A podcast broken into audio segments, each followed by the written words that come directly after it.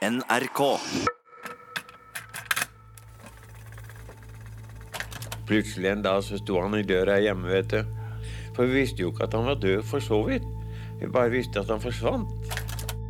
Og mysteriet omkring fars og lettbåtens øvrige mannskaps skjebne vil for alltid forbli en dunkel, uløst gåte. Oldefaren min forsvant på havet i 1915. Nå vil jeg finne ut hva som skjedde med han. De som er om bord på Ulf Jarl, da, ligger jo der og venter. Og det er ingen som kommer tilbake. De spørsmålene man stilte seg, det var jo hvordan var dette skjedd?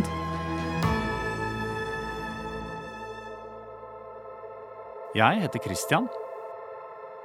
Oldefaren min var kaptein, det vet jeg. Og på en tur inn til Arkangelsk i Russland forsvinner han. For å finne ut mer drar jeg til stedet familien min er fra, Porsgrunn i Telemark. Ikke sant.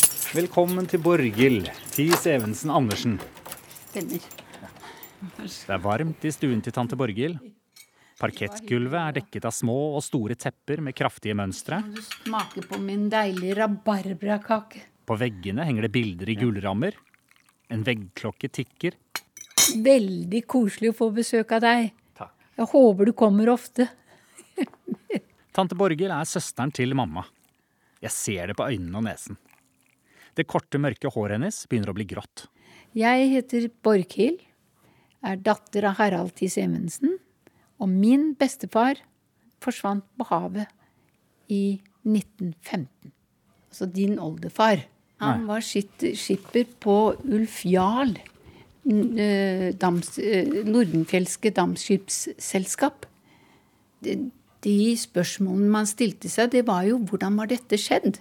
Altså, hva, hva, hva var det som skjedde? De visste jo ingenting. Hvis det var meg, for eksempel, som hadde mistet mannen min, og jeg ikke visste noen ting om hva som var skjedd med han, så det er jo ikke så vanskelig å sette seg inn i at det må være et forferdelig, forferdelig savn og veldig vanskelig. Begynne å lete, ikke sant? Hvor kan han være? Oldefar Even Martin var altså kaptein på Ulf Jarl. Et dampskip som seilte for det nordenfjelske dampskipsselskap. Hallo, Myhre. Ja, hallo, er det Gaute Myhre? Ja, det er det. Ja, det er Christian Marstrander som ringer her. Du, Ja, god dag. god dag, god dag. Har du skrevet historien til Det nordenfjelske selskap? Ja, det har jeg gjort. Ja. Har du hørt om det skipet, Ulf Jarl? Ja, det har jeg gjort, ja. Du har det? Ja, ja, ja. Etter mange år i Det nordenfjelske dampskipsselskap har Gaute Myhre full historisk oversikt. Men var du kaptein? Nei, nei, jeg var på Nei. Jeg har kun vært kontorrotte. Betyr det da at du ikke har tatovering? Ja, jeg har ikke det, gitt. Jeg tror ikke kona mi har gått med på det, gitt. Gaute har sendt meg en e-post med et bilde av dampskipet Ulf Jarl. Nå er han på Skype fra Trondheim. Bildet her viser et skip som ligger på, på Reden utenfor Trondheim. Eh, på vei ut. Vi ser Munkholmen i bakgrunnen. Og skipet har eh, alle signalflagg opp fra begge de to mastene. Og så har han to livbåter, en på spabord og en på styrbord side. Og så er det masse svart røyk ut av skorsteinen, for det var jo dampskip som var kullfyrt. I tillegg så har han på langsida er det malt med store bokstaver da, Ulf Jarl Norge. Og det er en del folk eh, på dekk, ser jeg. Det kan være at bildet er tatt ved overlevering av båten da den ble overtatt av Nordenfjelske da i august i 1915. Så sjansene for at, eh, at han Even eh, Martin Evensen står på dekk der, er jo ganske stor. Ja, Det er stor sannsynlighet for at han står oppå brua der. Jeg ser at bildet er tatt i august. Bare én måned senere, den 27. september 1915, skal oldefar, Even Martin, forsvinne på havet. Det var hans første tur Det var hans første som tur på skipper. den, Eller som på, som kaptein på den båten. Ja. Tidligere så hadde han vært kaptein på båter som var bygget her i Porsgrunn. Nå er du tilbake hos tanten min, Borghild. Jeg har Ja, ikke helt bilde av hvordan han ser ut. Jeg er helt sikker på at din mor også har et bilde Nå er det her. Se her på dette rommet. Dette, dette var virkelig bilderommet. Ja, Masse bilder. masse bilder. Så her, ja. Denne skuffen her. Her. Her er han. Der er han. Flott fyr. Flott fyr. Med litt sånn bakoversleik. Eh, og en liten bart. Og her er han jo i en dress med vi... Det er en smoking her. Er, han, er det smoking han har? Ja, Jo, jo, jo. Han er eh, kanskje til eh, bryllupet. Kanskje det. Kanskje det. At det var det. Så her er altså min oldefar og min oldemor. Ja. De er Even Martin Evensen. Der er jo Dorthea, som var gift med Even Martin. Mm. Og din mor lignet jo mye på henne. Oldefar og oldemor bodde det meste av tiden i Risør. Ja, Even Martin og Dorthea, de, forlovet seg da hun var bare 15 år gammel. Og hvor gammel var eh, Even Martin da? han var syv år eldre. Men betingelsen for at han skulle få lov å gifte seg med, med bestemor, det var at han var kaptein. Så han utdannet seg mens de var forlovet, og efter eh, da giftet seg vel da syv år etter. Ja, og da var han så å si ikke hjemme. I syv år, ja. I syv år. For da var, de, da var han jo ute på verdens hav og, og steg i gradene. Sånn var det den gangen. Mm. Ja, så ble han kaptein, og da giftet de seg. I Risør. I Risør. Og da hadde de fire barn, Ja. eh, og da var jo bestefar en av dem. Hvis du vil, så har jeg jo det båndet med pappa. Ja, det er jeg veldig interessert i. Ja. Jeg vet, jeg vet at det ligger her. Bestefar gikk alltid med blådress og sløyfe. Han var seks år da faren Even Martin forsvant på havet. På 90-årsdagen ble han intervjuet av NRK. Det er Ja, jeg har hatt en lykkelig barndom. Og min mor var jo fantastisk. Da hun ble enke, så hadde hun jo, da hadde hun jo fire barn, og den eldste var åtte år. Og det var ikke spøk den gang. Det her er lyden av Vestfold, vet du. Ikke det koselig? Det er vanvittig koselig. I hvert fall pappa og onkel Håkon, de var jo tvillinger. Og så tante Nenna. Alle de tre gir sterkt inntrykk av at de eh, liksom ikke slo seg helt til ro med at pappa, pappaen deres var borte. Mens onkel Eivind, som da var ni år, han hadde større forståelse for hva som var skjedd.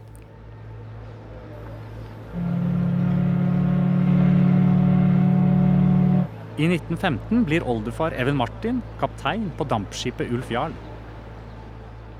Ulf Jarl skulle gå inn i noe som het for trelasteruta. Dette er Gaute Myhre på Skype fra Trondheim. Han har jobbet i Det nordenfjelske dampskipsselskap. Så den båten her skulle gå da i første rekke med kull og sild nordover til Russland. Og så var det retur av trelast tilbake til England og andre kontinentale havner.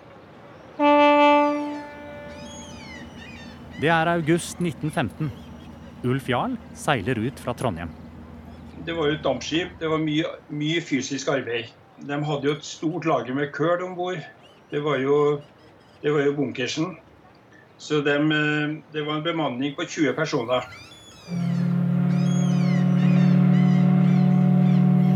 Om bord er oldefar, kaptein Even Martin. Ja, jeg tenker på ansvaret som uh, å være kaptein. Og det var den første, første reisen, han, eller den turen han hadde med den båten. At, var, at han følte stort ansvar for, for besetningen på båten.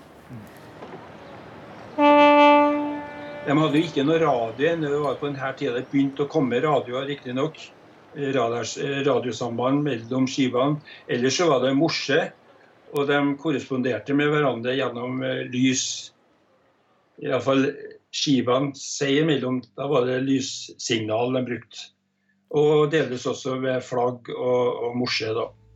Nettopp flaggsignal skal vise seg å få en viktig rolle på det tidspunktet oldefar forsvinner.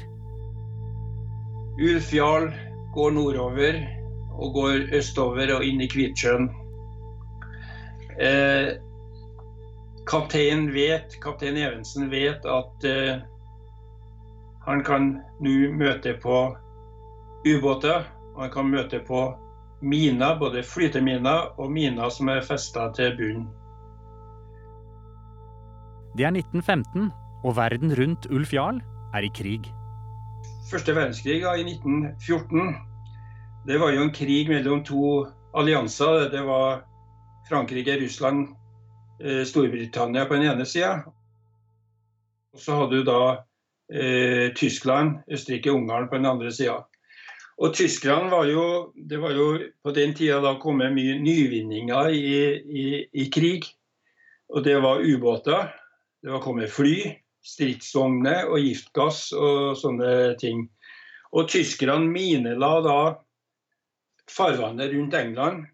Så det er klart å være sjømann på den tida da i, i 1914 og utover i krigen, det var en eh, stor belastning rent Eh, mentalt, skal du si. De visste jo aldri når de gikk på Wien. De visste jo, visste jo, aldri når det kom en ubåt og, og torpederte dem.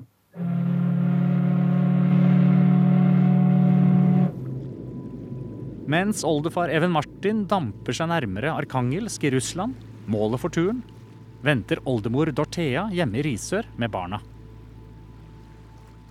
han må jo ha vært ganske stolt altså, i forhold til det med å være kaptein. Han har jo fått uh, sin tydeligvis kjæreste i sitt han liv. Han har fått sin kjæreste i sitt liv, og, og, faktisk så hadde de ti års bryllupsdag like før da han var på vei opp til Arkangelsk. Nå hører du tanten min igjen, Borghild. Og sendte telegram hjem og sa at uh, og, Ja, var veldig, veldig glad i, i bestemor. Og gratulerte med dagen og syntes han hadde det så utrolig godt sammen med henne. Telegrammet er det siste livstegnet oldemor Dorthea skal få fra mannen sin. Her har du funnet frem noe? Ja, du, det, ja. de, hadde, de fant jeg frem med en gang jeg snakket med deg sist. Tante Borghild tar frem en brun konvolutt. Inni ligger det en bunke med maskinskrevne hvite ark. På første side står det Ulf Jarl. For du vet det der å gå og være redd for at pappa er blitt tatt til fange, f.eks. Det er jo og, det, og som sagt, de visste jo ingenting om dette før i 89. Da den kalde krigen var over med Russland i 1989, da åpnet de en god del arkiver for russere og for andre i, i Russland. Og eh, onkel Eivind og min far, de eh, fikk da lov til å se disse arkivene. Gjennom de opplysningene de fikk der, så eh, var det onkel Jan som var gift med pappa og onkel Eivinds søster, Nenna, ja. som eh, har satt seg ned og skrevet om hvordan dette her kunne ha foregått. Ja, nå leser jeg fra memoarene som onkel Jan har skrevet. Sammen med Gaute Myhre fra Det Nordenfjelske Dampskipsselskap og memoaret til onkel Jan får jeg endelig hele historien om hva som skjedde med oldefar.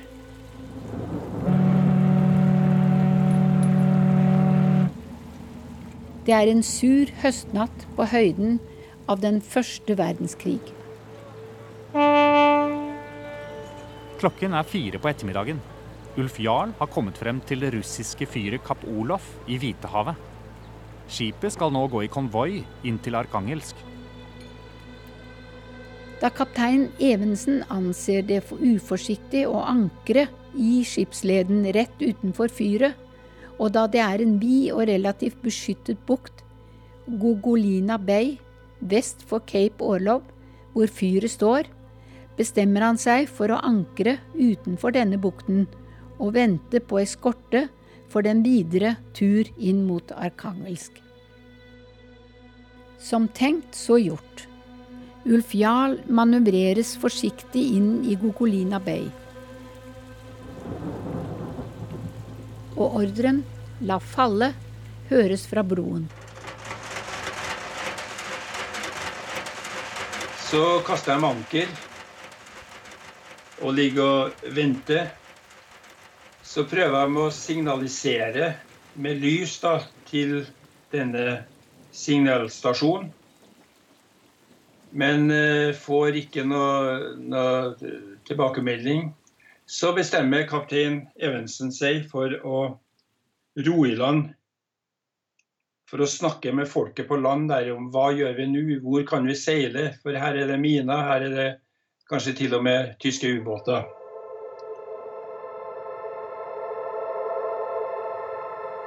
Klokken er nå blitt fem om ettermiddagen. Han gir ordre om å gjøre den største av skipets lettbåter klar. Martin Evensen tar da med seg skipets andstyrmann, Ludvig Tufte, som var fra Tønsberg, samt to matroser, Oluf Holm fra Kristiansand og Harald Øyen fra Varde. Og denne søndagen 26.9. så ror de i land for å konferere da om hvor de skal seile videre.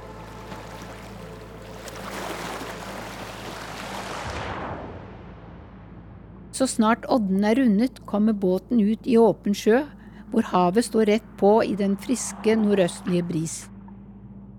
Ulf Jarls lettbåt har ingen vanskeligheter med å nå bryggen til Cape Orlov fyr, der den blir forsvarlig fortøyet. Turen opp fra bryggen til fyret er kort, og snart har kapteinen og hans mannskap kontakt med fyrvokteren. De som er om bord på Ulf Jarl, ligger jo der og venter. Og de ligger og venter og venter. Det blir kveld. Og det blir mørkt. Og det er ingen som kommer tilbake. Kaptein Evensen får greie på det han ønsker. Fyrvokteren tilbyr kaptein Evensen og hans mannskap å spise aftens på fyret og overnatte der. Så diskuteres det om bord. Skal, vi, skal vi ro i land og se hva, hva som har skjedd? Men så var de bekymra, for de var redd hvis de rodde i land nå, så kunne de bli arrestert for spionasje eller et eller annet. Så de torde rett og slett ikke å gjøre det. Kapteinen sier ja takk til tilbudet om mat, men takker nei til tilbudet om nattlosji. De som er om bord på Ulf Jarl, ligger jo der og venter. Det er mørkt og ufyselig idet de forlater fyret kort før midnatt. Vinden har økt til kuling, været er skyet og det er bekmørkt. De tar seg om bord i lettbåten med skinnet av Cape Orlov-fyr, som kommer og går i regelmessige glimt. De kaster fra land og ror, godt klar av den steile kysten, hvor brenningen lyser hvit mot det svarte fjellveggen. Og strømmen er stri, sikkert en to-tre knopp som er mer enn de kraftige rorskarene kan greie å hamle opp med i den opprørte sjøen. Folkene i båten kan se Ulf Jarls ankerlanterne lyse gjennom natten, men de klarer ikke å holde kursen klar av båene utenfor odden. Maktesløse driver de inn mellom brottene, hvor båten knuses under dem på noen minutter, og alle om bord blir bytte for det kolde, nådeløse hav. Så ligger de der i vel ett døgn og lurer fælt på hva, hva har skjedd med de fire, kapteinen, armstyrmannen og de to matrosene. Etter ja, halvannet døgn så må de bare seile videre inn til nærmeste havn. Og så får de beskjed om at de har funnet en drivende livbåt som har kvelva, pluss tre årer. Og da eh, skjønte de jo at her er det noe som har gått galt. Riktig galt. I Risør venter oldemor Dorthea med barna. Hun aner ingenting om tragedien utenfor Arkangelsk. Tre dager senere banker det på døren hennes i Havnegaten. Mannen fra Frikirken leser opp den offisielle kunngjøringen. Og da står det kaptein Martin, han heter jo Even Martin Evensen. Fører av DS Ulf Jarl var savnet etter et besøk i land på Cape Orlov fyr i Hvitehavet. De var ikke kommet tilbake, måtte anses som omkommet. Og familien i Havnegaten hadde mistet en far, en mann, en forsørger. Og så for Dorthea nå. mm. hvordan opplevde du at hun tok dette Nei, her? hun, hun ble Hun var visst en veldig glad, sånn fri, morsom dame, har jeg hørt. Men etter at bestefar døde, så ble hun ganske sorgtung. Så det, det hun, hun gikk jo med sort kjole alltid, med noen sånne blonder rundt halsen. Og stort ansvar. Fire barn under ti år. Og sånn var det jo mange eh, mødre som var alene med barn i den tiden pga. skipsforlis. Bestefaren min, altså faren din, da, snakket han om det? Vi har jo snakket om det. At han, når han gikk i byen og så en, en røslig kar, og tenkte kanskje det kunne være pappa. Og du vet, det har, det har vært tungt. Tante Borghild setter på kassetten med bestefar. Han var seks år da faren Even Martin forsvant på havet. Her er han 90, med blådress og sløyfe. Ja, det var jo et veldig slit, det naturligvis, for å få emne til å møtes den gangen. Men eh, hun var eh, utrolig dyktig, etter min oppfatning. Og du vet, en sånn ting Vi var jo Det var jo i Riise, vet du. Det var jo sjøfolk. Og mye skipperfamilier. Og, og, og vi, vi som eh, hadde jo i hvert fall den, var i hvert fall i den situasjonen at vi, vi Mor greide å la oss følge med i alt det alle andre gjorde. Og det imponerte i eftertid veldig, altså.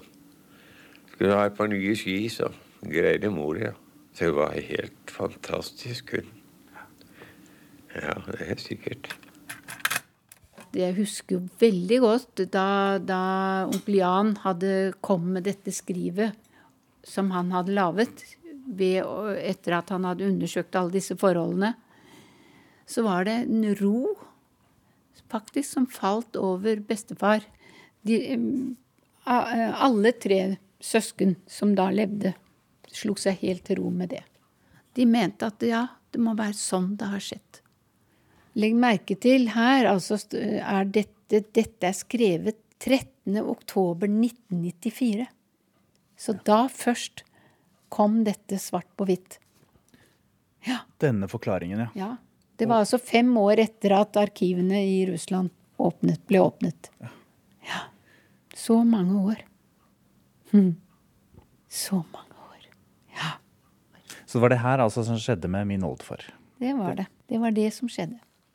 Ja. Even Martin Evensen. Det var historien din. Og familiens historie, kan man godt si.